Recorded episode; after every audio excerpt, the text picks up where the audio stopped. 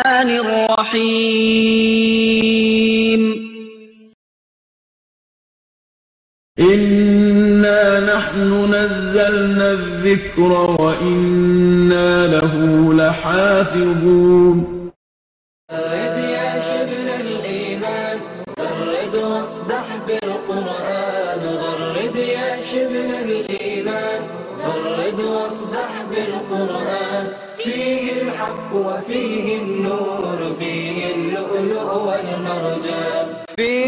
الحق وفيه النور فيه اللؤلؤ والمرجان غرد يا شبه الإيمان غرد واصدح بالقرآن أتل السطر وراء السطر فالقرآن ربيع العمر أتل السطر وراء السطر فالقرآن ربيع العمر والقرآن شفاء الصدر فيه الرحمة والغفران بسم الله الرحمن الرحيم alxamdu lilaahi rabi alcaalamiin wa usalli wa usalimu calaa nabiyihi lkariim moxamed bni cabdillaah khaatami alambiyaai walmursaliin wacalaa aalihi wa asxaabihi alkiraam wasalama tasliima kaiira allahuma anfacna bima callamtana wacallimna cilman yanfacuna wasidna cilman walxamdu lilaahi calaa kulli xaal waa aayadda boqol iyo sideed iyo labaatane ka mida suurat lbaqara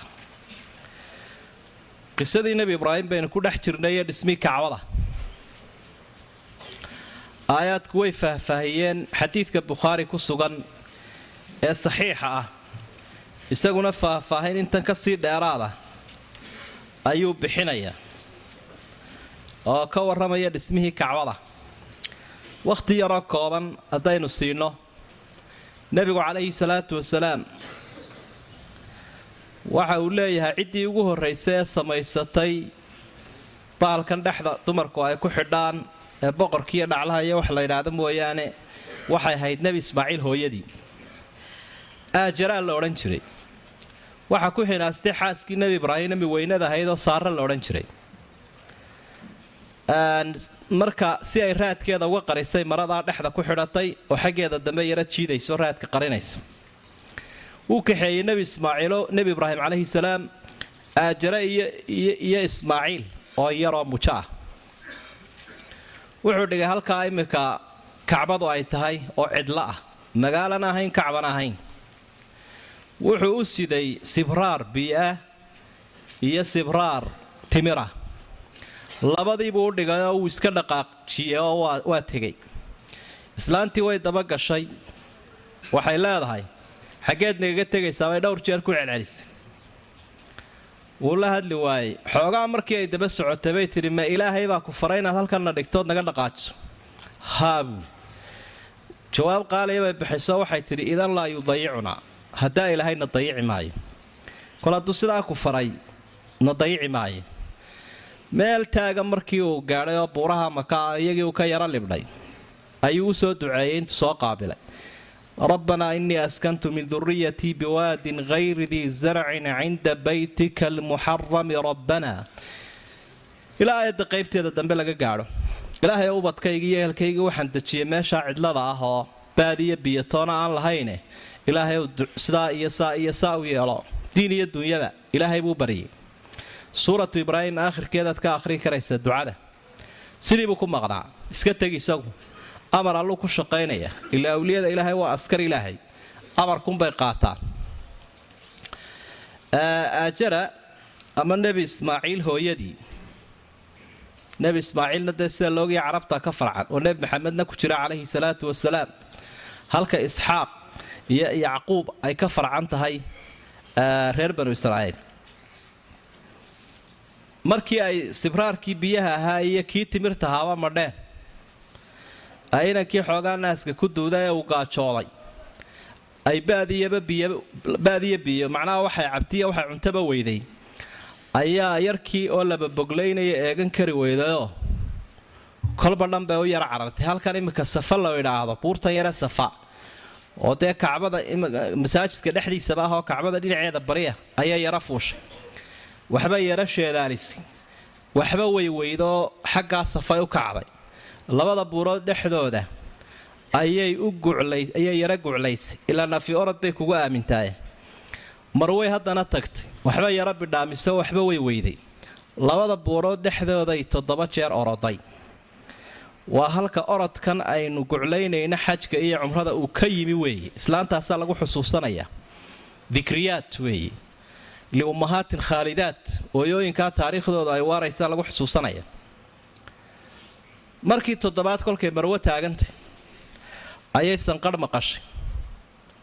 Dabeedna way is aamusiiso waxay tidhi sanqarh baa baxaysee baldhegayso khayrsida noqo. Way soo carartoo yarka agtiisii bay timid iyada oo gurmaduu soo fidiyey malakul jibriil. Oo halkaaba riiguu ka taagay samsam la ydhaahdo ceelkan samsamka la ydhaadunbuu halkaa oo bannaaneyd cidhibta ku dhuftay. Dabeedna wuxuu noqday riig rabbaani ahoo dee biyahaasaa soo booday biyihoo qulqulayay timi. Lacajecladuna waa cajiib. Dee haraad baa soo marayee biyihii qulqulayay quuri weydo. Daryar bay u samaysoo ciiddii bay ku joojisay. Nebi maxamed wuxuu leeyahy islaantaasi haddaanay joojin lahaynay biyahaasaa qulqulaana dayn lahayd. Webi caalamka socduu noqon lahaa sidaa niil iyo furaat oo kale. Yarkiibay waraabisay iyadiina way cabtay wixii kale qadhaaba la siiyeyna way iska intifaacsatay iyadoo halkii iska degan malaguna uu u wuxuu idhi ehelkii ilaahay baa tiina ilaahay idin dayici maayee. Halkaagaa xejiso ku egow. Qolo wafdi soconaysa oo reer jurhum la ydhaahdo ayaa yimid. Islaantii bay la hadleenoo waxay idhaahdeen dee biyahan baanu kuugu nimida inaannu ka cabno noo ogolow safarka yagani. Waan idiin ogolahay bay tidhi laakiin maamulkooda ma lihidin alaa leh. Ilan iska caadi bay ahayd bani aadamku biyiyo baadba inuu isku cidhiidhsadee sidii odayaasheennu sarta ingiriiska haraggaa ay ugula qorteen. Oo kaley samaystee waxay tihi way idinka cabi laakiin maamulkeeda ma lihidina ogaada. Ma lihin laakiin waa intifaacsa heshiiskaasaa la kala qortay. Way soo guureenba meeshu meel wanaagsan bay ahayd laakiin biyala-aan baa ka jirta bartii bay degeen muddo dheer bay yaaleen. Nin xoogahoo barbaaray buu noqday nebi ismaaciil luqada carabigana asal qoladaasa u ahaa oo ku hadli jiray. Luqadii carabigana si fiican buu bartay inan bay u dhiseen islaantii way iska dhimatay. Aajare la odhan jiray. Intaa wuu ka maqan yahay nebi ismaaciil. Nebi ibraahim cafwan wuu maqanyao maba soo noqonba. Islaantiisii meeshan uu dhigay ilaa ay allaysatay wafaadaysay maba soo noqonba. Wuxuu yimi nebi ismaaciiloo dee nin weynoo xaas leh xaaskiisiibuu u yimid. Maalin maalmaha ka mid ah intii ilaahay fasax soo siiyey kadib wuxuu idhi ismaaciil mee waa qadhaab tegay oo ugaadh buu noo raadiyey. Bal noloshiina ka war. Markii ay isu sheegtay inay xaaskiisa tahay. Wallaahi balaayiyo baas baanu ku nooloo waa iska dhibannahay bay tiri oo islaam dayro badan ayay noqoto way ku yeedhisay wuxuu idhi waxaad u sheegtaa salaaniga gaadhsii albaabka fayaaradiisa inuu bedelana u sheeg.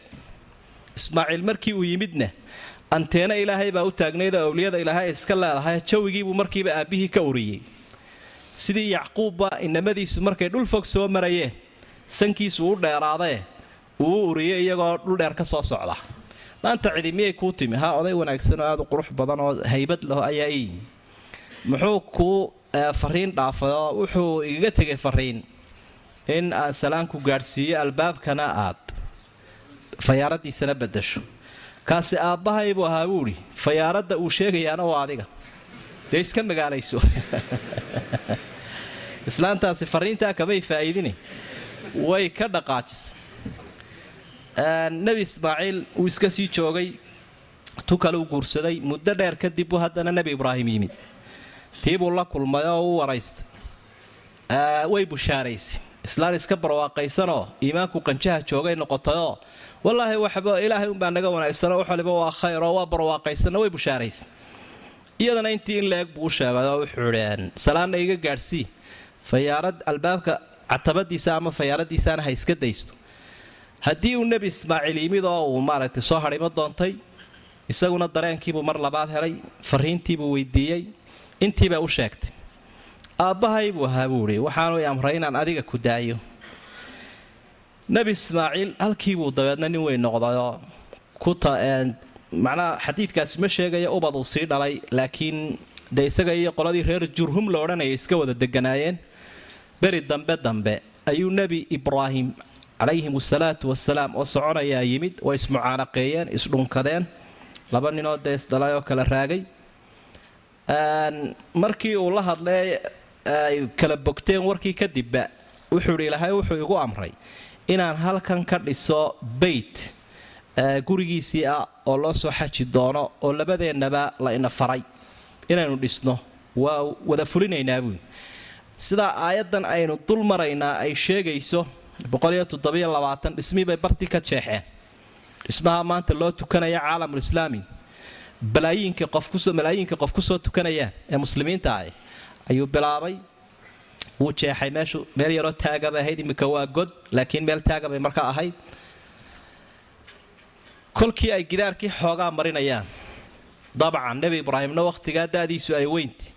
Ayaa tiigsigii iyo dhagaxa hinjintiisiibaa ku adkaaday.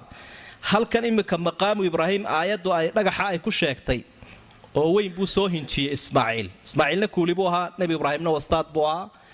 Kolkaasuu u dhigay dhagaxaasi sakhaalad buu uga dhignaa. Dabeedna intuu isku taagay ayay cagihiisu la diismeen oo taariikhdiisii sii muuqanaysa. Markii ay dhammeeyeenna ilaahay wuxuu faray inuu halkaa dadka uga yeedho waadin fi nnaasi bilxaji ya'tuuka rijaalan wacalaa kulli daamir ya'tiina min kulli fajin camiiq yeedhmadiina waa gutay ilaahay intii uu gaadhsiiyeyna way u xajaysaayo waa u cumraysanaysaao waa taa tegaysa. Sidaasibaa ay ahayd taariikhda maaragtay kacbada iyo inta uu ku kordhinayo xadiidka saxiixa ayna marka aynu soo ururino. Waaya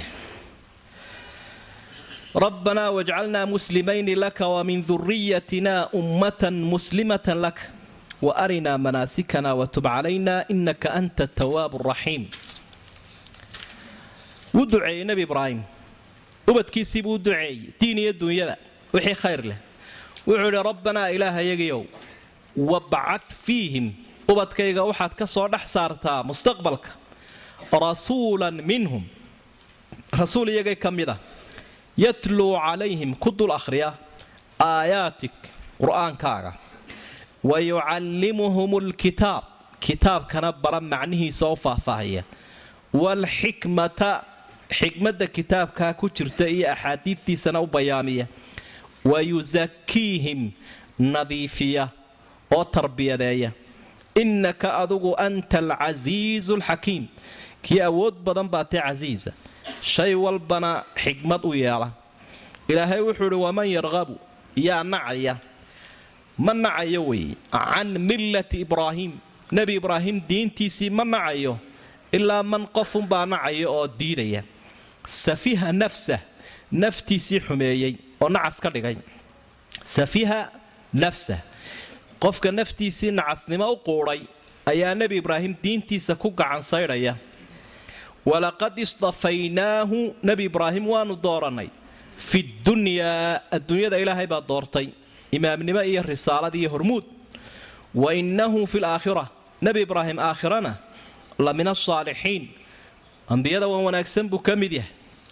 Id wakhti xus nebi maxamedow oo dadka u sheega ka waran taariikhdiisa qaala lahu rabbu ilaahiisii baa ku yidhi nebi ibraahim aslim aniga ii hoggaansan aniga igu xidhan oo ii hoggaansan buu ilahay yidhi addoon ii noqo.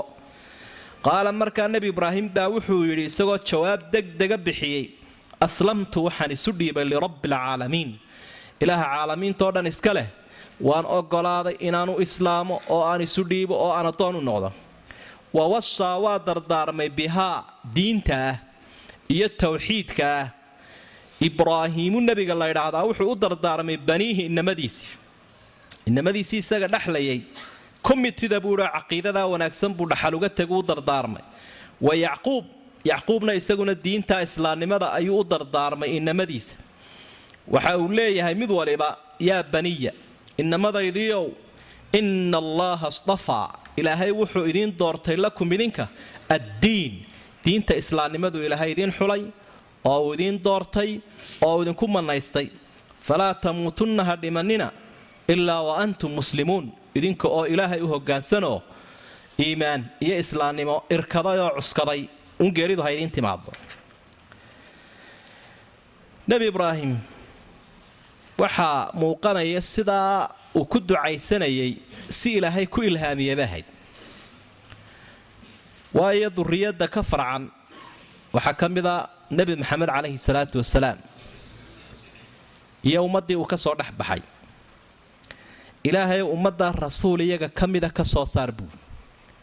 Marka sida riwaayooyinka qaarkoodba sheegayaan wuxuu nebigu leeyahay waxaan anigu ahay baryadii nebi ibraahim. Ducadii ilaahay uu bariyey oo la aqbalay baan ahay. Waanuu yahay rasuulku sala allahu calayhi wasalam sidiibuu u yimi. Ilaahayna markuu ummaddan islaamka u sheeganayay sidan ducadan unbuu markaa nebi ibraahim ilaahay uu baryay in loo aqbalay ayaa ummadda ilaahay ugu manno sheegtay. Huwa aladii bacaa fi lumiyiina rasuula minhum yatluu calayhim aayaatihi wayusakiihim wayucallimuhum alkitaaba walxikma wain kaanuu min qablu la fii dalaalin mubiin ilaahay waa ilaaha rasuulkaa idiin soo diray intaasoo khayrana wuu idin leeyahy waxa markaas nebi ibraahim ducadiisii ay noqotay inuu ilaahay rasuulkaa wanaagsan ummaddaa ka soo dhex saaro kitaabna uu siiyo rasuulkaasina kitaabka ummadda uu sharxo erayadiisa uu baryo sida loo akhriyayo macnihiisa sida loo fahmayo xikmadda sida looga qaadanayo. Yatluu calayhim aayaatika wayucallimuhum alkitaab waalxikmata wayusakiihim intaasu isugu daraya sida loo akhriyayo asxaabtii nebigu dee nebi maxamed bay qur'aanka ka qaatay sida qur'aanka loo akhriyayo. Isaguna malag uu ka qaatay. Marka sidaasa akhrintiisu ay u sugantay tawaatur ugu sugantay oo ay tahay sidii nebi maxamed calaa maa tuluqiya min alxadrati alafsaxiyati annabawiya jaamacaddii nebiga qaaliga ahayd iyo habkii fasiixa ee qur'aanka uu akhriyi jiray nebigu in loo akhriyo weeye oo qur'aan ruugnimada la iska ilaaliyo iyo jijabintiisa akhrintiisu waa waajib in sidaa loo akhriyo wanaagsan. Marka wayucallimuhum kitaab waa tafsiirkiisa iyo macnaha. Sidaasaanu qur'aanku ku dhadhanroonyay markaad erayadana barato macnihiisana aad raaciso. Labadaasaa ilaahay ugu manno sheegtay. Akhrintiio qura ma aha laakiin waa akhrintii iyo macnihii xikmaddu imaamu shaafici raximahullah siduu ku fasirayo waa axaadiidta nebiga nebiguna wuxuu uhi wardadyow ilaahay wuxuu isiiyey qur'aanka. In la egoo waxyana uu isiiyo xadiidka ah. Marka ha odhanina nebiga waxaa laga qaadanaya waa qur'aanka oo qura xadiidka suganina. Waa laga qaadanaya rasuulkaoo dee waa diinta qayb ka mid a marka iyadoo la sheegay akhrintii qur'aanka oo la sheegay si inuu nebigu baraya macnihii ayaa ilaahay wuxuu raaciyey wayusakiihim taskiyadan maxay tahay? Culamaau tarbiya waa meel ay daliishadaanoo waxa ay leeyihiin waa tarbiya waa shay ka dheeraada akhrintii iyo macnaha barashadiisii oo ah wuxuu ka saxayay oo uu ku carbinayay sida loogu camal falayo ee loo fahmayo. Marka waa tilaawatun walfahmu wa fahmu macna alqur'aan waalcamalu bihi. Ku camalfalkiibay ka turjumaysaa wayusakiihim wuu tarbiyaynayay saasuu u dhisay nebigu. Saa darteed baa qarnigii uu dhisay uu noqday qarniyadoo dhanka ugu fadli badan ilaa nebi maxamed baa calayhi salaatu wasalaam soo saaray oo carbiye ducadaasii baa ilaahay u aqbalay nebi ibraahimoo aynu arkaynaa ummadda islaamka ah oo asxaabtu hormuud ay u yihiin inuu ilaahay u aqbalay. Haddaba halkan waxa ilaahay uu ku xusayaa dadkiibuu kala reebayaa nebi ibraahim u abtirsanayayoo nebi ibraahim yaa ku abtirsan kara? Ka diintiisa raacay ka diintiisa diidayna de waa sida yuhuudda iyo kiristanka eh iyagana halkaa iska dhig. Waman yarqabu can millati ibraahiima ilaa man safiha nafsah. Yaa nacaya diintii nebi ibraahim ilaa qof naftiisii safiih ka dhigay mooyaane. Safiihu waxa weeye qofka magaratada ah ama caqliga liita wey ee ay tahay in la hagoo la hogaamiyo. Marka qofku inuu naftiisii dee kor u qaado oo qof caaqilahoo qiimale uu ka dhigo iyo inuu safiih ka dhigo labadaa waxaa kala saaraya diin iyo diin la'aan. Hadduu qofku diin islaamiya iimaan leeyahay waa qof lagu talageli karo akhyaara. Haddii kalena waa qof liitoo safiiha oo wax macnaaha uu leeyahay. Qofku haddaanu diin lahayn wax macnaaha uu leeyahay ma jiro. Saa darteed baa ilaahay safiihu ku xukumay. Walaqad istafaynaahu fi dunya wa inahu fi laakhirati la min asaalixiin adduunyadana waan doortay nebi ibraahim aakhirana saalixiintuu ka mid yaho macnaheedu ya ilaahay baa doortay adduun iyo aakhiraba. Nebi ibraahim. Waxyaabaha lagu doortay haddii laguu sheegayna waxa weeye isagoo ilaahay ka dambeeyey addoonnimada xaqiijiyey ilaahay isu dhuldhigay amarkiisa qaatay diintiisii hirgeliyoo ku dagaalamay liwaxdu isagoo keligiia ayaa uu jihaadka xaqiijiyo uu sanamyaasha ka jajabinayay kuwii mushrikiinta ah id qaala lahu rabbuhu aslim baa ilahaw aslim isdhiib oo hogaansan ila islaamnimada waxay sheegaysaa qalban wa qowlan wa camalan qalbiga iyo qowlka iyo camalka intaba inuu qofku ilaahay isu dhiibo qul ina salaatii wa nusukii wa maxyaaya wa mamaatii lilaahi rabbi alcaalamiin geeridayda iyo noloshayda iyo camalkayga iyo salaadayda intoo dhanba ilaahay baa leh addoon ilaahay baan ahay camalkaygana ilaahay baa leh. Markaasuu ka jawaaba wuxuu hi aslamtu lirabbi alcaalamiin saas wey waxaa aayadda aynu ka faa'iidaysanaynaa qofku inuu gurmad fidiyo waajib bay ku tahay. Marka u horreeya naftiisa u fidinaya. Si aynu qisada ka arkayno. Marka labaad cidda ka agdhow ee ugu lexa jeclo badan yahay ubadkiisa ah ayuu u fidinayaa marka ku xigta ummadda ka agdhow saasuu u wadayaa marka mar walba nebi ibraahim iyo ambiyada uu sii dhalay. Waxaad arkaysaa qur'aanku inuu ka warinayo oo uu taariikhdooda ku xusayo inay gurmad u fidinayeen dadka ka agdhow ubadkooda. Wawasaa biha ibraahiimu baniihi wa yacquub. Biha damiirkaasi wuxuu noqonayaa islaamnimada diinta milada milada ay ku noolaayeen ee ambiyadaasi ku dhinteen ayay dhaxal uga tegayeenee u dardaarmayeen. Siduu nebi maxamedba calayhi salaatu wasalaam ummadda caam ahaan iyo khaas ahaanba waxa uu lahaa war waxaan idinkaga tegay dhexdiinna. Shay haddaa cuskataan aydaan ambanaynin. Kitaab allah. Ilaahay kitaabkiisa. War ilaahay kitaabkiisaan idinkaga tegay markuu sii dhimanayay. Ilaahay kitaabkiisa haddaa qabsataan oo irkataan amban maysaan buu lahaa. Waaya marka labadoodaba dardaarankani wuu yaallaa. Mid waliba wuxuu uhi yaa baniya ina allaha astafaa lakum ddiina falaa tamuutunna ilaa wa antum muslimuun inamadaydiiyo ilaahay diin buu idiin doortay diin macnaha qofka ilaahay uu diin siiye wuu doortay qofku ilaahay diin siiyey waa doortay qofka diin la'aan ku dhacayna doorashada allow ka baxay weligiiba cid kastaa hadday codka ugu badan siiso adduunyadoo dhammi hadday doorato qofkan oo ilaahay xaggiisa aanu cod ku lahayn maya soo bixi maaya wuu libdhay balaak liisku ku jiraa liiska madow liiska madow ay gaaladu idhaahdaan liiska madow baanu cid ku qornay. Ka bilaadiin ku dhacay baa liiskii madoobaa ku qornaa. Asfala saafiliin. Ina allaha astafaa lakum ddiin falaa tamuutunna ilaa wa muslimuun. Ha dhimanina idinkoo islaama mooyaane. Macnaheed waxa weeye islaamnimada xejista oo xejista oo xejista oo dhib kastaoo idinka soo gaadha ku adkaysta. Caduu calayha binnawaajid. Siduu nebigu xusaya calayhi salaatu wasalaam gowsaha dambe dhigta geeriduna ha idiin timaado idinka oo islaamnimo ku sugan. Macnaha ku faana diintiinna oo ku noolaado oo ku dhinta. Saasuu mid waliba u dardaarmayay nimadiis. Macnaha idinka xaggiina wax gaboodfalih yuu ka iman. Doodii baa ilaahay uu soo celiyey nimankan yuhuudda uu u furayay si xujadaasi ay ugu fashilmaan. Nebiga calayhi salaatu wasalaam iyo ummaddana ilaahay uu laqimaya dabeed alla wuxuu yidhi am kuntum ma waxa ahaydeen yuhuudey shuhadaa ma goobjoog ba ahaydeen id xadara yacquub. Kolkii uu yacquub ku soo xaadiray almowtu geeridu astaamihii geerida iyo calaamaadkii iyo muqadamaadkii waxyaabihii ka horreynayay markay ku soo xaadiray malagu sakaraadkii lagu dhuftay miyaa goobjoog ba ahaydeen id qaala libanii inamadiisiioo ag joogay buu ku yidhi yacquub. Isagoo imtixaan ka qaadaya maa tacbuduuna maxaydin caabudi doontaan min bacdii aniga dabaday aniga waa ikanoo waan sii socdaa. Maxaydin caabudi. Qaaluu waxay idhaahdeen ilmo yacquub nacbudu ilaahak. Nacbudu ilaahaka. Ilaahagaanu caabudi doonaa wa ilaaha aabaa'ik. Aabbayaashaa ilaahoodaanu caabudi doonaa aabbayaashaasi waa kuwe ibraahiima wa ismaaciila wa isxaaq. Saddexdaasoo aabbayaashaaya waa laba awow iyo aabbe ayaanu caabudi doonaa ilaahoodii. Ma kala ilaahbaah ilaahan waaxidan. Waa ilaah keliyahuun ayaanu caabudaynaa. Wa naxnu annagu lahu muslimuun.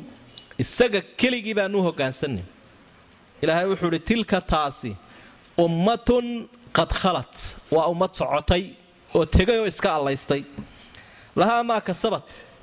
Waxay leeyihiin wixii ay shaqaysteen khayr iyo shar. Walakum maa kasabtum idinkuna waxaad leedihiin dadkiinna noole wixii aad shaqaysateena camal ah walaa tus'aluuna laydin weydiin maayo camaa kaanuu yacmaluun. Waxay samaynayeen ilaahay idin weydiin maayooo laydiin qabsan maayo. Iyagana waxaad samaynaysaan loo qabsan maayo. Mid walba gaarkiisuu ilaahay u xisaabinaya.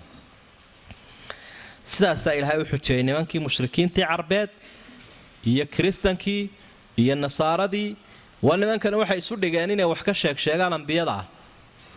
Oo waxyaabo beenahay soo malluuqeen ayay ka sheeg sheegi jireen. Sidaa darteed baa ilaahay uu halkan fashiliyey. Yacquub baa sidan yidhi oo yacquub baa sidan waxaan kitaabna qorin sanadna lahayn. Iyo meel adagoo lagu tiirinayo.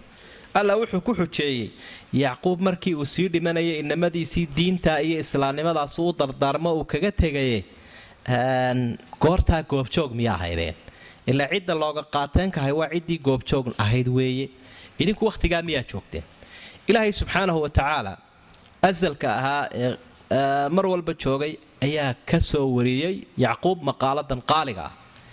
Yacquub saasuu islaamnimo ugu dardaarmay ubadkiisi idinkuna ubadkiisii baa ka sii farcanta waxba ha ka sheegina. Saynu aayaadka dambe ku arki doonno ma idinkaa og baa ilaahay u odhan doonaa mise ilaahay? Ilaahay baa og subxaana qul a antum aclamu am illaah arrinku saasuu u dhacaye idinka iyo ilaahay keebaa la odhan karaa wuu ogaa wakhtigaa ilaahay baa ogaa.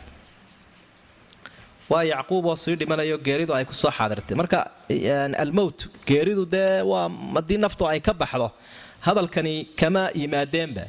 Saa darteed baynu u xusnay muqadamaat lmowt waxyaabaha mowtka ka soo horreeya sakaraadka nin weyni wadkii waa yaqaanaa ee tilmaamaya inuu hebel dhimanayo. Markii tumaatidaasi ay ku dhacday ayuu inamadiisii diinbuu u dardaarmay. Sidaa ibraahim iyo yacquub mar kalea ilaahay uu ku soo celiyay subxaana. Sababta yacquub ilaahay ugu soo celinayaa waxa weeye dee iyagiibaa ka farcan israa'iil baa yacquub ah. Nimankan muranka badan nabiga caleyhi salaatu wasalaam la galayna dee ilmo yacquub ahaa waa reer banu israa'iil marka labadoodu wada jir bay diin ugu dardaarmeen. Markay ifka ka tegayeen gaar ahaan yacquubna maqaaladiisii sidanay ahayd iyadoo faahfaahsan. Halkaa waxaynu ka fahmaynaa qofku waxa u muhiimsan ee marxaladahan oo kale oo ummadda kala hadlaya waa inay noqoto masaalixdooda diineed iyo ta'aakhiro waa inuu isku dayaa qofkani quluubtooda inuu soo jeediyo inay cashar ka kasbadaan geeridiisa saasay ahaayeen salafku iyo dadkii saalixiintaah waa wanaagsanaa iskumay hawli jirin xoolaha ay ka tegayaan iyo waxaa yaryarka ah ee dhaxalka ah waxaa in fara badan ka warramayeen aakhiro iyo iyo xusuusteeda ayay ka warrami jireen. Iyadoo aanay xumayn qofku dee inuu dardaarmo oo adduunyada wixii dayn lagu leeyahay iyo wixii tabarucu bixinaya iyo wixii cid ka dhaxeeya iyo inuu dardaarmo ay tahay haddana dardaarankan caqiidada ayaa ah kii lafdhabarta ahaa ee kamakacdad ahaa inuu qof ubadkii uga tago oo idhaahdo dee waydinka ah. Sidii ay ugu soo xaadireen camru bnulcaas saxaabigii jaliilka ahaa ee la odhan jiraybaa markuu sii dhimanayay ayaa inamadiisiibaa u yimid oo waxay idhaahdeen aabbo in badan baad odhan jirtay allow geerida ayaa noo sifeeya. Oo aad odhan jirtay haddii qof noo sifayn lahaa geerida oo isagoo miyir qaba uu nooga warrami lahaa sakaraadka ayaan jeclaan lahaa waxaa noo muuqata inaad sakaraadaysee bal ka war. Waa kii lahaa kaana jibaala radwa calaa cunuqi wa kaana ashawka fii batni wa kaana nafsii tukhraju min ibra. Waxaa la moodaa buuraha waaweyn ee silsilada isku xidhana radwo la idhaahdaa inay qoorta iga saaran yihiin waxaa la moodaa qodaxda keliga in calooshayda lagu xurbinayo. Waxaa la moodaa naftayda in irbad daloolkeed laga saarayo. Cidhiidhiga haysta marka adigu almuhim saasaa maaragtay wanaagsan oo qofku inuu idhahdo war waa arkaysaane. Dee waddadaasaan maro idinkula haysaane. Dee ha halmaamina dariiqa xaqa ha seegina. Marka imtixaanku ka qaaday waxau ihi id xadara yacquuba almowt id qaala libaniihi maa tacbuduuna min bacdi. Maxay idin caabudi? Anigu markaan dhinto waa socdaaye maqaaladay ku jawaabeen qaalinimadeeda ilmo yacquub nacbudu ilaahaka wa ilaaha aabaa'ik. Ilaahaaga iyo kii aabbayaashaa baanu caabudayna ilaahay adiga ilaaha ku ah aabbayaasha ilaaha u ah ilaah keliya ah umma cid walba u ilaaha. Ibraahiimo wa ismaaciilo wa isxaaq aabbayaashu waa ku ah. Marka si eraygu aanu ugu muuqanin qoladaa ilaahoodii iyo adiga ilaahaagii oo aan meeshu aan sawirka aanu muuqan ilaahyaal kala duwan inay jiraan way soo afjareenoo ilaahan waaxidan waa isku ilaah keliya adiga ilaahaaga aabbayaasha ilaahooda annaga ilaahayaga waa allah alaxad samad lfard ilaahan waaxidan wanaxnu lahu muslimuun saasay ku faanayeen saasay ugu bushaareeyeen saasay ku noolaayeen dadkaa saalixiinta ahay wanaxnu lahu muslimuun falaa tamuutunna ilaa wa muslimuun erayga islaamnimaa soo noqnoqonaya alislaam alislaam walmuslimuun way nimankanaa diidanaa u abtirsanaya nebi ibraahim iyo yacquub ayaa islaamnimo diidanaa ole annagu dee waa inaga xagga dambe ku arki doonnee wa qaaluu kunuu huudan aw nasaara tahtaduu iyagaa waxay dhahaan islaam ha noqoninee yuhuud iyo nasaaro noqda. Ahanuunteene ilaahayna wuxuu leeya yuhuudinimo iyo nasraaninimo ciddii idin dhashay ee ku abtirsanaysaan ee ambiyada ahaa umay dardaarmin islaamnimay u dardaarmeen ka islaamnimadii haystaa ku abtirsanaya iyaga. Xadhiggaa ilahaa uu jaraya. Wanaxnu lahu muslimuun sidaasaa laga doonayaa ummadda islaamku inay islaamnimadooda ku faanaan. Halka laga yaabo inay dad badani ka xishoonayaan islaamnimadooda iyo digitooda iyo qaarkoodna magacooda. Markii la dabagalay dadkan debadaha marmara. Iyagaa marka horeba qaar aanay isku qolahayn waxu doontae in yar arsaaqada u doontee. Ee cabdilaahi iyo cabdiraxmaan iyo lagu xidhay ayay yidhahdeen warfaa jiilaal xagaa. Magacaasaa noo wanaagsanaan lahaaba iminka magacyaashii odayaashii hore gaboobay ee magac soomaaliga ahaa ayaa dad badan suuqba u ah oo magacyadoodii ay u bedesheen laakiin waxaa la doonaya qofku islaamnimadiisa iyo diintiisa. Dee inuu ku faano oo ilahay baa waman axsanu qawlan miman dacaa ila allahi wa camila saalixan wa qaala inanii min almuslimiin yaa ka hadal wanaagsan ninka islaamnimadiisa ee ku ictisaasaya ee ku faanaya ee faafinaya ee kor u qaadaya. Wanaxnu lahu muslimuun. Tilka ummatun qad khalat.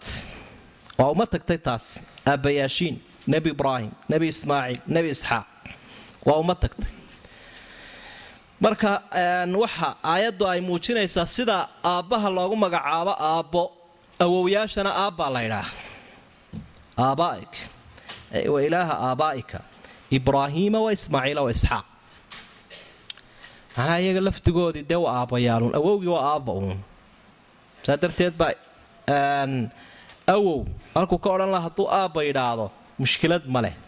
Waa masalo dhaxalkana had iyo jeer xidhiidh si uula laho culimmada qaarkood ay soo qaataan. Oo ay leeyihiin awowgu aabbuhu la mid yahay aayadaniba ay sheegtay. Xagga dhaxalka baabkaa markay ka daliishanayaan ummadaasi waxay leedahay wixii ay kasbadeen idinkuna waxaa kasbateen. Walaa tusaluuna camaa kaanuu yacmaluun. Wixii ay samaynayeen laydin weydiin maayo. Hadduu gaf ka dhacay laydinma qabto. Idinka haddii gaf idinka dhacayna iyaga looma qabto aayaddu waxay caddaysay shayga la ydhaahdo aanada inaanay ilaahay agtiisa oolin iyo islaamka toona. Walaa tasiru waasiratun wisra ukhraa. Man camila saalixan falinafsi waman asaa'a fa calayha. Qof waliba dhib iyo dheef wuxuu geystay isagaa leh. Aanadu aadamaha liita ee cadaaladdarrada ku soconaya shaqadooda weeye iyo shuqulka jaahiliyada weeye. Halkaasibaa markaa waxa ilaahay uu xusayaa qofka liitaa. Cid wanaagsan oo dhashay oo uu ku abtirsanayo inaanu ku nabadgelayn nabi maxamed calayhi salaatu wasalaam ilaahay baa aayad ku soo dejiya uu leeya waandir cashiirataka alaqrabiin. Dadka qaraabadaada aad ku xiga udig wuu u digayoo kor buu ugu yeedho hoos buu u yeedho jilibadiisaro quraysho kuwii ka hooseeyo. Markii u dambaysay aalubeytkiisii buu u yeedhay inantiisii faadima wuxuu leeyahy faadima intaynu ifka joogna adduunyada waxaa doonaysa ee weydiisa waan ku siine aakhira hadduu ilaahay ku qabsada ku maarayn maayo. Anigoo nebi maxamed ah marka ilaahay xaggiisa ka dhisnow oo arrinka iska giiji oo diin iyo iimaan ayaynu isku raaci karnaa buu nebigu leeyay calayhi salaatu wasalaam waxa uu nebigu leeyahy waman abda'a bihi camalu lam yusric bihi nasabu. Xadiidkii saxiix muslim ku sugnaa. Qofka camalkiisu uu dib rido abtirsiimadiisu ma qadimaysa ogaada qur'aanku wuxuu ka warramay nebi nuux oo inankiisii uu halaagii ku tegay. Islaantiisiina ay badda raacday iyo biyaha oo midna badbaadi la'ya tusaala qur'aankuu ku bixiyey fii aakhiri suurati ataxriim saad ka akhriyi karayso. Waxaa kaleynu ka faa'iidaysanaynaa qofku dee haddii ubadkiisu uu xumaado isagu wanaagsan inaan loo qabsanayn. Looma qabsanayo qof walba sidiisaa ilaahay u xisaabinaya. Sa aayaddu ay caddaysa waxaa kaleynu ka fahmaynaa qofku hadduu tegay isagiiyo ilaahay baa isarkay inaan waxba laga sheegin. Nebigu calayhi salaatu wasalaam waxa uu lahaa dadka waxba ha u kala tirinina kuwa dhintay. Fa inahum afdaw ilaa maa qadamuu aw kamaa qaala calayhi salaatu wasalaam dadka dhintay iskaga hadha faalladoodii iyo caydoodii iyo waxkasheegooda waayo qof waliba wuxuu la kulmay wixii oo hore shaqaystay camalaha. Waaya wa qaaluu waxay idhaahdeen nimankii gaaleed ahlulkitaabka la odhanayay iyagoo dadka warbaahintooda kala hadlayaa waxay idhaahdeen kuunuu waxa ahaataan huudan yuhuud noqda bay idhaah aw nasaara ama kiristan noqda kuwa nasaarada la ydhaah tahtaduu waydin hanuuni doontaan bay dadka ku yidhaahdeen.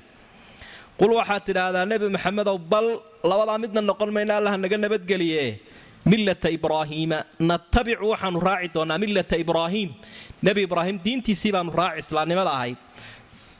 Waana diintii nebi maxamed xaniifan isagoo xaqa u leexanayay nebi ibraahim xaniifan xumaantuu ka soo leexanayay yahuudiyanimada iyo nasraannimada. Wuxuu u leexanayay xagga islaamka. Wamaa kaana min almushrikiin. Nebi ibraahim gaalada kamuu mid ahayn. Ummaddan ilaahay wuu tilmaamay oo wuxuu idhi quuluu waxaad tidhaahdaan dadka muslimiinta haddaad tihiin aamanaa billaah ilaahay baanu rumaynay. Wamaa unsila ilaynaa waxyiga nalagu soo dejiyey ee qur'aanka baanu rumaynay. Kitaabka yagan wamaa unsila kutubtii lagu soo dejiyeyna waanu rumaysanoo ma diidanin ilaa ibraahiima wa ismaaciila wa isxaaqa wa yacquuba waalasbaat intaasoo nebi. Waa ibraahiim iyo nebi ismaaciil oo inankiisiiya iyo isxaaq oo inankii labaadee isaguna nebi ibraahiima yacquub oo isaguna ina isxaaqa waalasbaat waa inamadii yacquub uu dhalee labiyo tobanka ahaa. Intaaba kutubtii lagu soo dejiyey ma diidayna waa rumaysannay. Wamaa uutiya muusa wa ciisa. Wamaa kutubtiina waanu rumaysannay uutiya la siiyey. Ilaahay uu ku soo dejiyey muusa wa ciisa nebi muuse iyo nebi ciise. Wamaa kutubtiina waanu rumaysannahay uutiya la siiyey annabiyuuna ambiyadii ilaahay min rabbihim ilaahooda xaggiisa laga siiyey walaa nufariqu kala saari mayno waxaa ummad yahay tidhaahdaan ilaahay baa inoo laqimayee walaa nufariqu kala saari mayno bayna axadin minhum walaa nufariqu ha cafwan laa nufariqu wow lahayn laa nufariqu kala saari mayno bayna axadin minhum cid ka mida ambiyada oo kana rumayn mayno kana diidi mayno waa wada rumaynaynaa wa naxnu annagu lahu muslimuun. Ilaahaasaanu keligii u rumaysannahay sidaa dhaha. Sidaasaa ilaahay ummaddan uu tilmaamay ilaahay baa ka warinaya subxaana.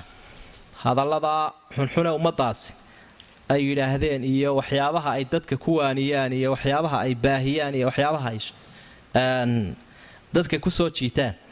Intay dadkii la hadleen ciddii ay isku wakhtiga ahaayeen iyo ciddii ay gaari karayeen baa waxay idhaahdeen waar yuhuud yuhuud noqda? Nasaaro noqda ah hanuunteene. Dadyow haddaa hanuunka doonaysaan yuhuud iyo nasaaro noqda. Haddaa horumarka doonaysaan iyo inaad noqonaysaan dadka adduunyada koowaad dee diintayada qaata bay idhaah macnuhuna maaha inay maqaaladan isku waafaqsan yihiin labada qolo aayaadkii hore aynu ku soo maraynay qolaba qolada kale inay eedaysa wa qaalat ilyahuudu laysat inasaara calaa shay. Wa qaalat laysat ilyahuudu calaa shay. Qolaba qolada kale tidhi kuwaasi waa bilaadiin. Waxba kama jiraan waxooda marka qolo waliba gaarkooday u tidhi badeecadda ibliiskee liidata iyo diin la'aanta bay qolo waliba hanuun ku sheegtay. Tahtaduu bay idhaah saas wey marka diinlaawuhu hallowguu hanuun u yaqaanaa. Hanuunkana hallow buu u yaqaanaa. Hallowguu horumar u yaqaanaa. Horumarkana dibdhac buu u yaqaanaa. Sidaa darteed baynu bilowga suuradda ku soo marnay marka la ydhaa wa dhulka ha fasahaadiinina maxay odhan jireen?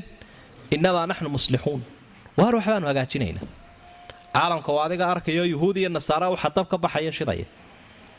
Wax alla waxaa fitno ka soconaya ee muslimiinta dhexdooda dee say isugu direen iyo sida ay u laayeen iska daayo xataa gaalada dhexdooda waxa dhibaato ka jirta iyaga aloosaya wax xaqiiqo jirta wey weliba yuhuudda asal ah kuwa nasaarada laftigoodu iyagaa dusha ku sita oo xambaarsan oo ay la ildaranyihin lidaalik baa istaraatiijiyadahooda ay ka mid tahay falaasifadooda mid ka mida waxa uu lahaa. Oo maaragtay brofesaradii jaamacadaha ingiriiska wax ka dhigayay ummadda si loo xukumi karo waa in cadow loo sameeyaa buuli oo caalamka kolba fitan qayb ka mida laga abuuraa.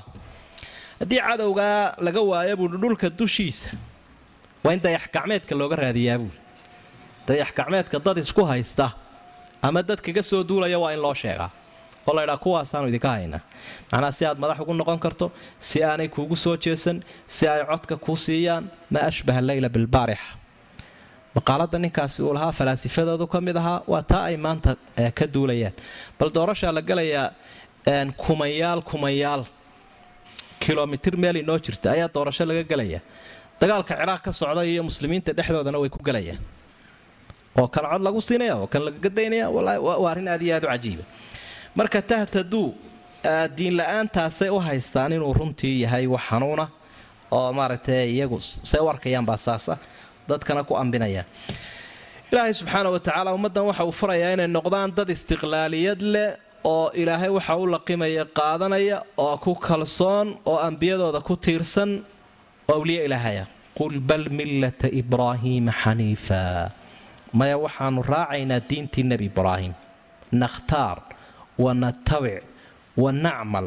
Millata ibraahiima xaniifan diinta nebi ibraahimna dee nebi maxamed baa sheego waxau ihi diintii nebi ibraahim baa ilaahay igu soo diray si aan uga saaro qalqalloocay dadku geliyeen oo aan u toosiyo. Wamaa kaana min almushrikiin nebi ibraahim mushrikiinta muu ahayn gaalada. Yuhuuddu waa mushrikiin. Oo cusayr bay yidhahdeen waa ina ilaahay. Kiristankuna waa mushrikiin oo waxa ay ilaahay la caabudeen ciise. Mushrikiintan kalena qoryihii dhagaxaanbaabay dul fadhiyaan hadalkanoo kale waxaa la ydhaahdaa tacriib sarbeeb weeye haddii maalan qof aad la hadlaysa aad tidhaahdo dee waar anigu caynkaa mahi qof baa sheekaysanaysaana waxaad ku celcelinaysaa uun dee waar anigu beenaale mahi anigu dee tuug mahi hebelow waxaa halkaa laga fahmayaa waxa aan iska anfiye ada ah.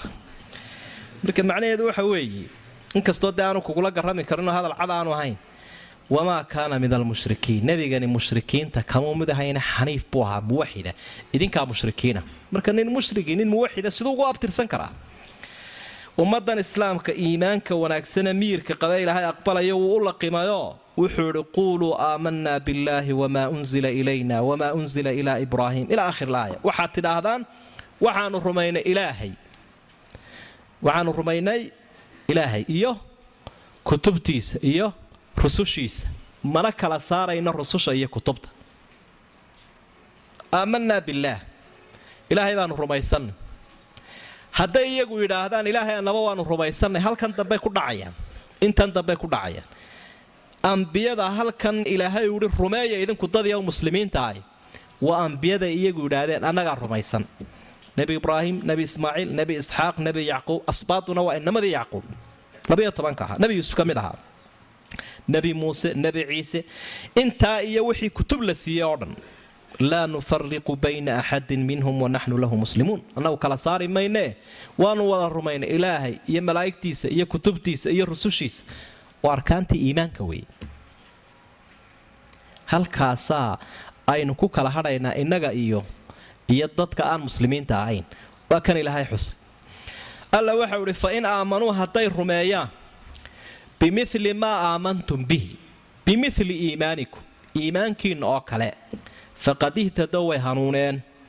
Wain tawallow haddii ay sii jeedsadaan fa innamaa hum iyagu fii shiqaaqin khilaaf bay ku sugan yihiin. Shiqaaq aad bay idin khilaafsan yihiin. Fasayakfiikahum allah ilaahay baa kaaga fillaan. Wa huwa asamiicu alcaliim kii wax walba maqlaya wax walba ogsoon weeye. Sibqat allah quuluu natabicu sibqat allah ilaahay diintiisaanu raacaynaa dhaha sibqat allah ilaahay diintiisaanu raacaynaa dhaha oo mabdaa u cadaysta waman axsanu yaa ka wanaagsan cidina kama wanaagsanee min allah ilaahay sibqatan xagga diin ilaahay cidina kama diin wanaagsana diinta islaamnimadu dadka u xulay wa naxnu annagu lahu ilaahay caabiduun kuwa addoommo u abaannahay oo isu dhiibay sidaa dhaha ayaa ilahay wuli subxaana iimaanka ilaahay uu raalliga ka yihi islaamnimada uu raalliga ka yahay waa taa nebi maxamed iyo asxaabtu ay haystaan. Taasaa lagu qiyaasaya. Waaya ilaahay taasuu taskiyeeyey taasuu hambaliyeeyey markaa iyagu idinma qiyaasayaan arrimaha. Baqaayiista iyo akhlaaqda iyo qiyamka iyaga lagama eeganayo. Idinkaa la ydinka eeganaya jaangooyadii iimaanka wanaagsan ee alla tixgelinaya ilaahay agtiisa qiimaha ka leh waa iimaanka nebi maxamed iyo asxaabtiisu lahaayeen. Marka waxaa ku tidhaahdaan war iimaankaa wanaagsan baa ilaahay uuna faraye haddii aa kaa rumaysaan waa hanuunteen. Hanuunku yuhuudnimo iyo nasraannimo iyo kuma jiro. Maalan yuhuudda haddii iminka la weydiiyey ambiyada ilaahay waxa uu ka qabo ee wuxuu leeyahy anugu muuse waa rumaysta kan kale nasaaradu ciise waa rumaysta inkastoo ay u rumaysan yihiin inuu ilaahay ama ilaahnimada qayb leeyahy nebi maxamed ka waran ka ugu sahlan baa odhanaya waan ixtiraamaya. Haddii mid muslimoo mid soomaaliya oo madow lagu idhaahdo la yar nuneeyo dee nebi maxamed un weydii waa nebi maxamed ma rumaysanta haddii aanu markaa rumaysnaynoo dee fikraddan uu qaba wuxuu leeyahay waan ixtiraamaya. Nebiyada waan ixtiraamaya buu halkaasu ka bilaabaya waan rumaysanahay afkiisa laga maqli maayo. Haddaanu dee munaafiqadaynayn may anigu dee nebiyada waan ixtiraamaya maxamed waan ixtiraamaya maxamed. Waan ixtiraamaya wuxuu kaga cararaya waan rumaysnahay dadka mu'miniintahay sidaasay u wada rumaysayn ambiyada ilaahay iyo kutubtiisa dhammaan. Laakiin dadka diimaha kale haystaa kutubtana qaar ka mida bay yidhaahdaan waa rumaysannahay ambiyadana qaar ka mida bay yidhaahdaan waa rumaysannahay waa iimaan dhantaalan oon ilaahay aqbalayn iimaanka dhammayska tirani waa kan. Ilaahayna wuu ku ammaanay nebi maxamed iyo asxaabtiisii. Aamana arasuulu bima unzila ilayhi min rabbihi waalmu'minuun kullun aamana billaahi wamalaa'ikatihi wa kutubihi wa rusulih laa nufariqu bayna axadin min rusulih waqaaluu samicnaa waadacnaa qufraanaka rabbana wailayka almasiir. Saasaa ilahay uu ku ammaanay. Halkanna saasuu ku xusay. Faqad ihtadow waxaa halkaa laga fahmayaa diintan siday asxaabtii nebi maxamed calayhi salaatu wasalaam u fahmeen inaynu inaguna u fahmno. Waxay asxaabtu sawaabo arkeen iyo diin ayaynu arkaynaa waxay asxaabtu ka baydheen ee nebi maxamed ka dayriyey waa laga baydhaya. Waaladiina tabacuuhum biixsaan buu qur'aanku ammaanay. Samafalka kuwa ku raacay asxaabtii nebiga waa wasadiyada iyo dhexdhexaadnimada ilaahay uu ku ammaanaya ummaddan aayaadka soo socda wakadalika jacalnaakum ummatan wasata. Ummad dhexdhexaada wey xagga caqiidada. Caqiidada dhexdhexaad baynu ka nahayoo dadka qaarkood ummadaha caalamka ku nool waxay dafireen macbuudba. Waxay yidhaahdeen ilaah la caabudaaba ma jiro ilaahayba ma jiraba. Subxaan allah qayb ka midihina cidaan ilaahnimo xaq u yeelanin ayay kula dulkufeen oo adiga arkayo dee makhluuq qayb ka mida bay caabudeen. Sidaa nebi ciise oo kale iyo maryami. Qayb ka midana way ka sii dareeno wax alla wixii ka soo horbaxaba. Waxay u kanaaba ilaaha bay idhaah ilaahii horey tuurayaan dabeedna sanad walba ilaah cusub buu leeyahy iminka hindiya caalamkaa dee qayb dhanoo caalam ka mida wey ilaahyadooda sanadkiiba mar la qoraa oo la soo in fara badan oo ka mid ah baddaa lagu daadinaya sanadka dambe qayb kalea la soo qoraya caanaa lagu soo maydhaya sanamyaashaa saasaa lagu caabudaya. Haddana waa la rawxinaya saasaa lagu wadaya. Subxaan allah kuwaasina wixii ka soo horbaxaba ilah bay ku sheegeen. Kuwanina wax ilaahoo jiraa ma jira bay yidhahdeen muxidiinta ahaa ummadani ilaahnimo ilaahay inuu jiro allah oo ka xaqa ah isagu cibaado xaq u inuu yahay ayay qireen ummadani saa darteed waa ummatan wasatan iimaankaa jaangooyada leh qiimaha badan wain tawallow fa hum fii shiqaaqin fasayakfiikahumullah haddii ay sii jeedsadaan khilaaf bay ku sugayen khilaaf shiqaaq waa khilaaf. Sibqat allah marka xagga horey raacsan tahayoo bal millata ibraahiima baynu soo marnay. Waxaad tidhaahdaan yuhuudna noqon mayno nasaarana noqon mayno millata ibraahim baanu raacaynaa sibqat allah ilaahay diintiisii baanu raacaynaa waman axsanu min allahi sibqa. Ilaahay yaa ka wanaagsan diin ahaan ilaahay waxa uu leeyahy waradiitu lakum lslaama diinan waman yabtaqi hayra alslaami diinan falan yuqbala minh alislaam ayaa ilaahay ummaddan uga raalli noqday. Marka diinta ugu wanaagsan ilaahay baa dadkan u dooray wanaxnu lahu caabiduun sidaa dhaha. Waxa isweydiin leh. Maxaa diin allaahi loo odhan waayey? Diin allaahi waman axsanu min allaahi diinan ee sibqa. Nasku u doortay. Laba arrimood bay culimmadu xuseen aayaddu waxay xidhiidh la leeday sababu nusuulka waataynu hore u soo xusnay sababu nusuulka oo la fahmo. Wuxuu kaa saacidaa macnaha qur'aanka fahamkiisa. Nimankan aayaadku ay deedifaynayaan siiba nasaarada ayaa waxay caado u lahaayeen ilmuhu markuu dhasho toddoba cisho jiro ayaa la soo qaadayaa biyo sibaaq leh ayaa daf la siinayaa kolka biyaha la geliyo boobku uu hayo ilmaha yar ee laga soo saaro ayaa la odhanayaa imikuu kiristan hagaagsan yahay. Intii hore maynaan hubina kol haddaynu biyaha juq siinay imika biyo la geliyay miskiinka yar imikuu kiristan hagaagsan yahay. Kol haddaynu sibaaqaynay waa kuwan hinduuska laftoodu dee waa kuwan sibaaqa halkan aad ku arkayso. Hindidan dee mushrikiinta ah waa kuwan sibaaqa saa isu mariya qaarkoodna farta arrin aad u khatara weeye kolkaasay dabeetana sibaaqaasay wadan jireen. Halkaasaa ilaahay uu soo dejiya aayaadkanoo kaasi ma aha diin iyo sibaaq qofka qabanaya sibaaqa qofka qabanaya iyo midabka aan muuqaalkiisa iyo macnawiyaadkiisa ka fuqayn waa diinta weeye. Kan aroorta marka saabuun lagu maydho u ka maydhmaya. Laakiin iimaanka iyo akhlaaqda iyo qiyamka iyo dhaqanka diintani leedahay qofka way ka muuqanayaan macnawiyaadkiisa iyo muuqaalkiisa labadaba. Ummadda way ka muuqanayaan oo ummadahoo dhan way kaga duwantay sidaa darteed iyada oo diintu ah mid dadka bedasha sida rinjigaa gidaarka la marinayaa uu u bedelo daraaddeed baa ilaahay sibqa ugu sheegay. Diintu hadday dadka bedeli weydo oo dhaqankoodii waxba ay ka sixi weydo oo iyaga iyo jaahiliyaddu isku muuqaal egaadaan oo isku mawaaqif egaadaan. Dee sibqatallaahi ma haystaan gidaarkan iminka hadduu marka la rinjeeyey markii uu rafka ahaa talbiista waasoo ma kala duwanaa. Wuu kala muuqaal roonyi marka ummadda mawaaqifteeda iyo dhaqankeeda iyo muuqaalkeeda intuba waa inay sibqatallaahi yeeshaan. Ummadda islaamku lahaa sibqa khaasa. Waxay leedahay muuqaal gaara mumayisaad gaara waxyaabo ay kaga duwantahy ummadaha kalea jira. Saa darteed baa ilaahay ugu tilmaamay diintiisa sibqa qul waxaad tidhaa nebi maxamedow atuxaajuunanaa fillaah ma ilaahay baa nagula doodaysaa wa huwa rabbunaa wa rabbukum. Annagiiyo idinkaba isagaa rabbi inoo wada ah. Walanaa acmaalunaa annagu camalkayagaanu leenahay. Walakum acmaalukum idinkuna camalladiinnaa leedihiin dadkiinna gaalada ahaw wa naxnu annagu lahu mukhlisuun annagu ilaahay daacad baanu nahay oo waan u saafi yeelaynaa cibaadada. Am taquuluuna ma waxaa odhanaysaan? Yuhuuddiiyo nasaaradii baa ilaahay u deerifaynaya inna ibraahiima wa ismaaciila wa isxaaqa wa yacquuba waalasbaad intaasoo dhammi nebi ibraahim iyo isxaaq iyo ismaaciil iyo yacquub nebi ibraahim iyo inamadiisan oo dhan macnaa isagunbay ka farcayn. Ismaaciil isxaaq yacquub iyo asbaad intaasi ma waxaa leedihiin kaanuu waxay ahaayeen huudan aw nasaara yuhuud bay ahaayeen ama kiristan. Ma sidaasaa la shir imanaysa oo dadka u sheegaysaan buu ilahay yidhi bal dooduu ilaahay u fura eeg. Qul waxaad tidhaa nebi maxamedow la doodo. A antum aclamu? Ma idinkaa ogi badan. Am illaah mise ilaahay? Allahu aclam. Ilaahay baa garanaya. Waman adlamu yaa ka gardarro badan buu ilaahay yidhi. Minman cidda katama qariyey shahaadatan markhaati. Cindahu agtiisa ahaaday. Markhaati uu og yahay. Min allaahi ilaahay xaggiisa ka yimi.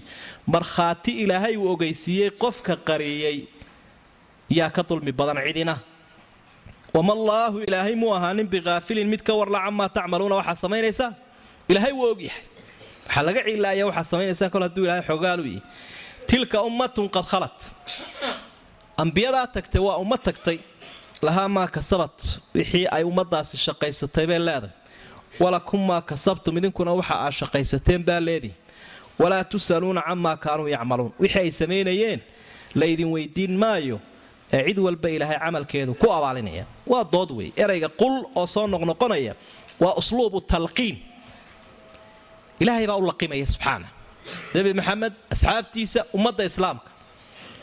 Qofka muslimkaa markay dood iyo daliil noqoto diin la xidhiidha cidi kagama guulaysanayso.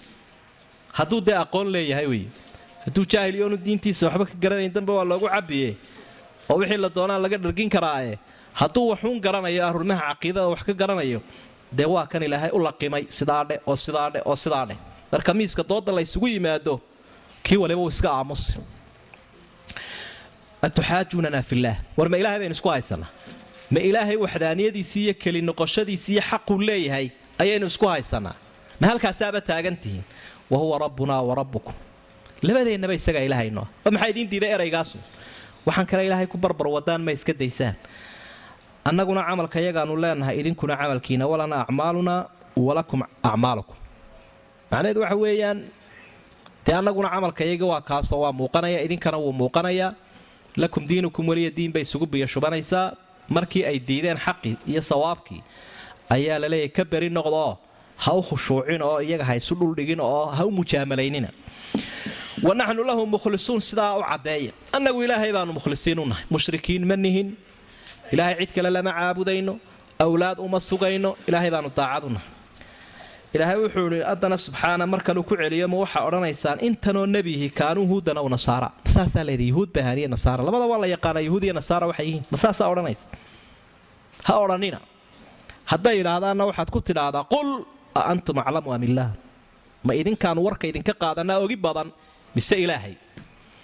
Marka dee ilaahay baynu ku jawaabaynaa allaahu aclam ilaahay baa garanaya inoona sheeg wixii xaqiiqadu ay ahayd in la qaatana wayta warbixinta ilaahay iyo warbixinta makhluuq markay iskhilaafto qofka muuminka ah wuxuu qaadanayaa warbixinta ilaahay subxaana. Hadday gaaladu wax badan daldalaan oo wax badan diraaseeyaan diinta ilaahay iyo qur'aankuna wax sheegayaan qur'aanku waa inuu qofku rumaystaa kitaabka qur'aanka iyo ilaahay subxaana watacaala warbixintiisa oo aanu iyaga waxba ka qaadanin. Hadduu laakiin yidhaahdo sidana la sheegaya sidana akhiiran la gaadhayoo taasaa caalamiyaho tanaa la sheegay. Waa qur'aankii ka soo dulbooday subxaana allah ilaahay wuxuu nimankii ku eedeeyey arrin weyn. Waman adlamu miman katama shahaadatan cindahu min allah. Yaa ka dulmi badan miman katama. Katama waa qariye weeye markhaati cindahu markhaati u hayay. Oo yaa u sheegay min cindi illaah markhaati ilaahay uu u sheegay. Qofka ilaahay uu waxaaya waxaa dadka gaadhsiiyo markhaati ka noqay qariyey. Waa markhaati diineed qofka qariyay yaa ka dulmi badan. Cidina laa axadda adlamu minhu. Kaasaa ugu dulmi badanoo sideedaba markhaatiga in la qariyaa waa jariimad weyn. Markhaatiga diineedoo la sii qariyaana waa jariimad ka sii daran. Marka iyagoo ogsoon nebi maxamed iyagoo ogsoon qur'aanka iyagoo ogsoon ummadda islaamka iyagoo garanaya yacrifuunahu kamaa yacrifuuna abna'ahum baynu arki doonnaa sida ubadkooda ay u garanayaan bay rasuulka u garanayaan. Ayay dafireen. Wama allaahu biqaafilin camaa tacmaluun hanjabaadaad u weyn. Weeye ilaahay ma moogo oo kama war la'a waxaa samaynaysaan. Ilaahay wuu ogyahay waxaa samaynaysaan. Haddii lagu yidhi qofkii madaxdaad ahaa ama mas'uulkii hebela awoodda lahaa waxaad maanta samaysay wuu ogyahay sawirkaad bixinaysa waa maxay dee waa in badan inay jooradda dhigayso iyagoo baqanaya. Bal ka warran ilaahay boqorka habaa lagu leeyay wuu ku ogyahay waxaad samaysay ilaahay subxaanah. Hadda wuu kaa warrayaa ilaahay. Marka waa tahdiid aad iyo aad u adag. Gebagabada ilaahay uu saaray waxa weeyaan ambiyadaas cidda ay ahaayeen ilaahay isagaa caddeeyey ummadda islaamka ayaa ku abtirsan karaysa. Yuhuud iyo nasaarana malcuuniina aynamaa uqifu saasaa ilahay u nacdalo gaar buu ka dhigay. Wallahu subxana wa tacala يا ماهرا بكتاب الله تقرأه أبشر بنور الله والحسنات اقرأ ورتل خاشعا متغنيا بأعذب الألحان والآيات يا ماهرا بكتاب الله تقرأه أبشر بنور الله والحسنات اقرأ ورتل خاشعا متغنيا بأعذب الألحان والآيات